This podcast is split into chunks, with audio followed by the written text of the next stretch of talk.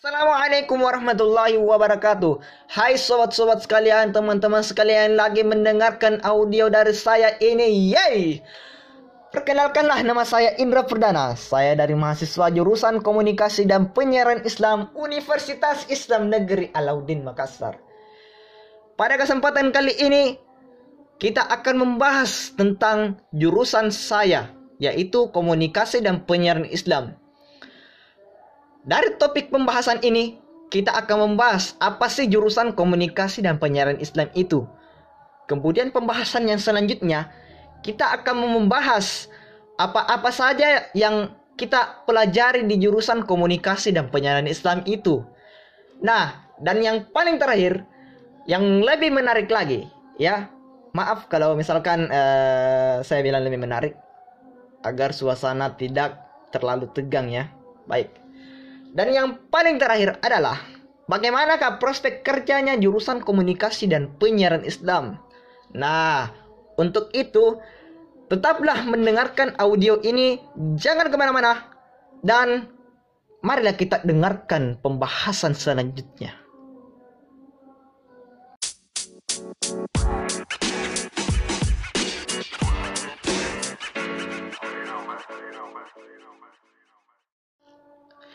Komunikasi penyiaran Islam adalah jurusan komunikasi di perguruan tinggi Islam seperti Universitas Islam Negeri atau UIN, Institut Agama Islam Negeri IAIN, atau Sekolah Tinggi Agama Islam atau STAI.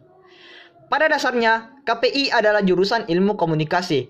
Namun, karena ada di kampus Islam, maka namanya yang ditambah penyiaran Islam, sehingga menjadilah komunikasi dan penyiaran Islam atau biasa disingkat dengan KPI.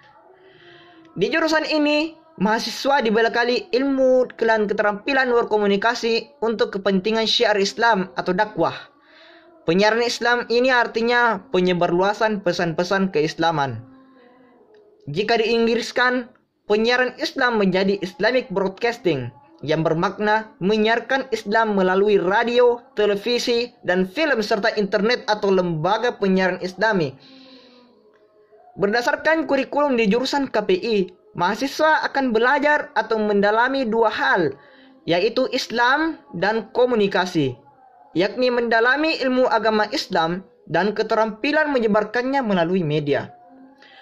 Karenanya, mahasiswa KPI tidak hanya mendalami Al-Quran dan Al-Hadis sebagai dua sumber utama ajaran Islam, akan tetapi itu juga akan mempelajari keterampilan berkomunikasi, terutama di jurnalistik dan penyiaran atau broadcasting.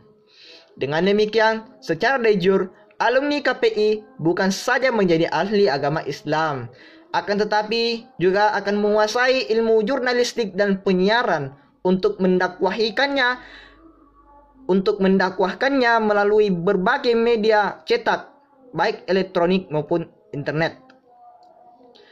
Selanjutnya, kita akan membahas tentang prospek kerja lulusan komunikasi dan penyiaran Islam. Disebutkan dalam profil jurusan, lulusan komunikasi dan penyiaran Islam antara lain memiliki prospek karir di bidang media dan komunikasi sebagai berikut. Yang pertama, bisa jadi wartawan atau reporter. Yang kedua, bisa menjadi penulis. Yang ketiga, bisa menjadi editor yang keempat, bisa menjadi fotografer. Yang kelima, bisa jadi public speaker. Yang keenam, bisa menjadi presenter. Yang ketujuh, bisa menjadi penyiar. Yang kedelapan, bisa menjadi kameramen.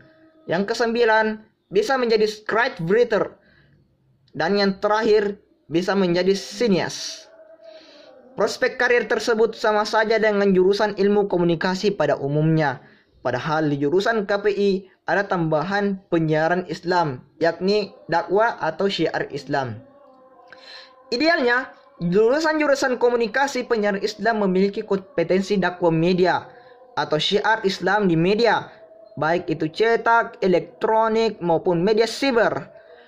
Untuk menguasai ilmu dan keterampilan penyiaran, baik sebagai presenter, penyiar, produser, maupun manajer program, Para mahasiswa KPI ini bisa memanfaatkan lab radio dan lab TV di kampusnya selain mendapatkan teori yang biasa disampaikan di kelas.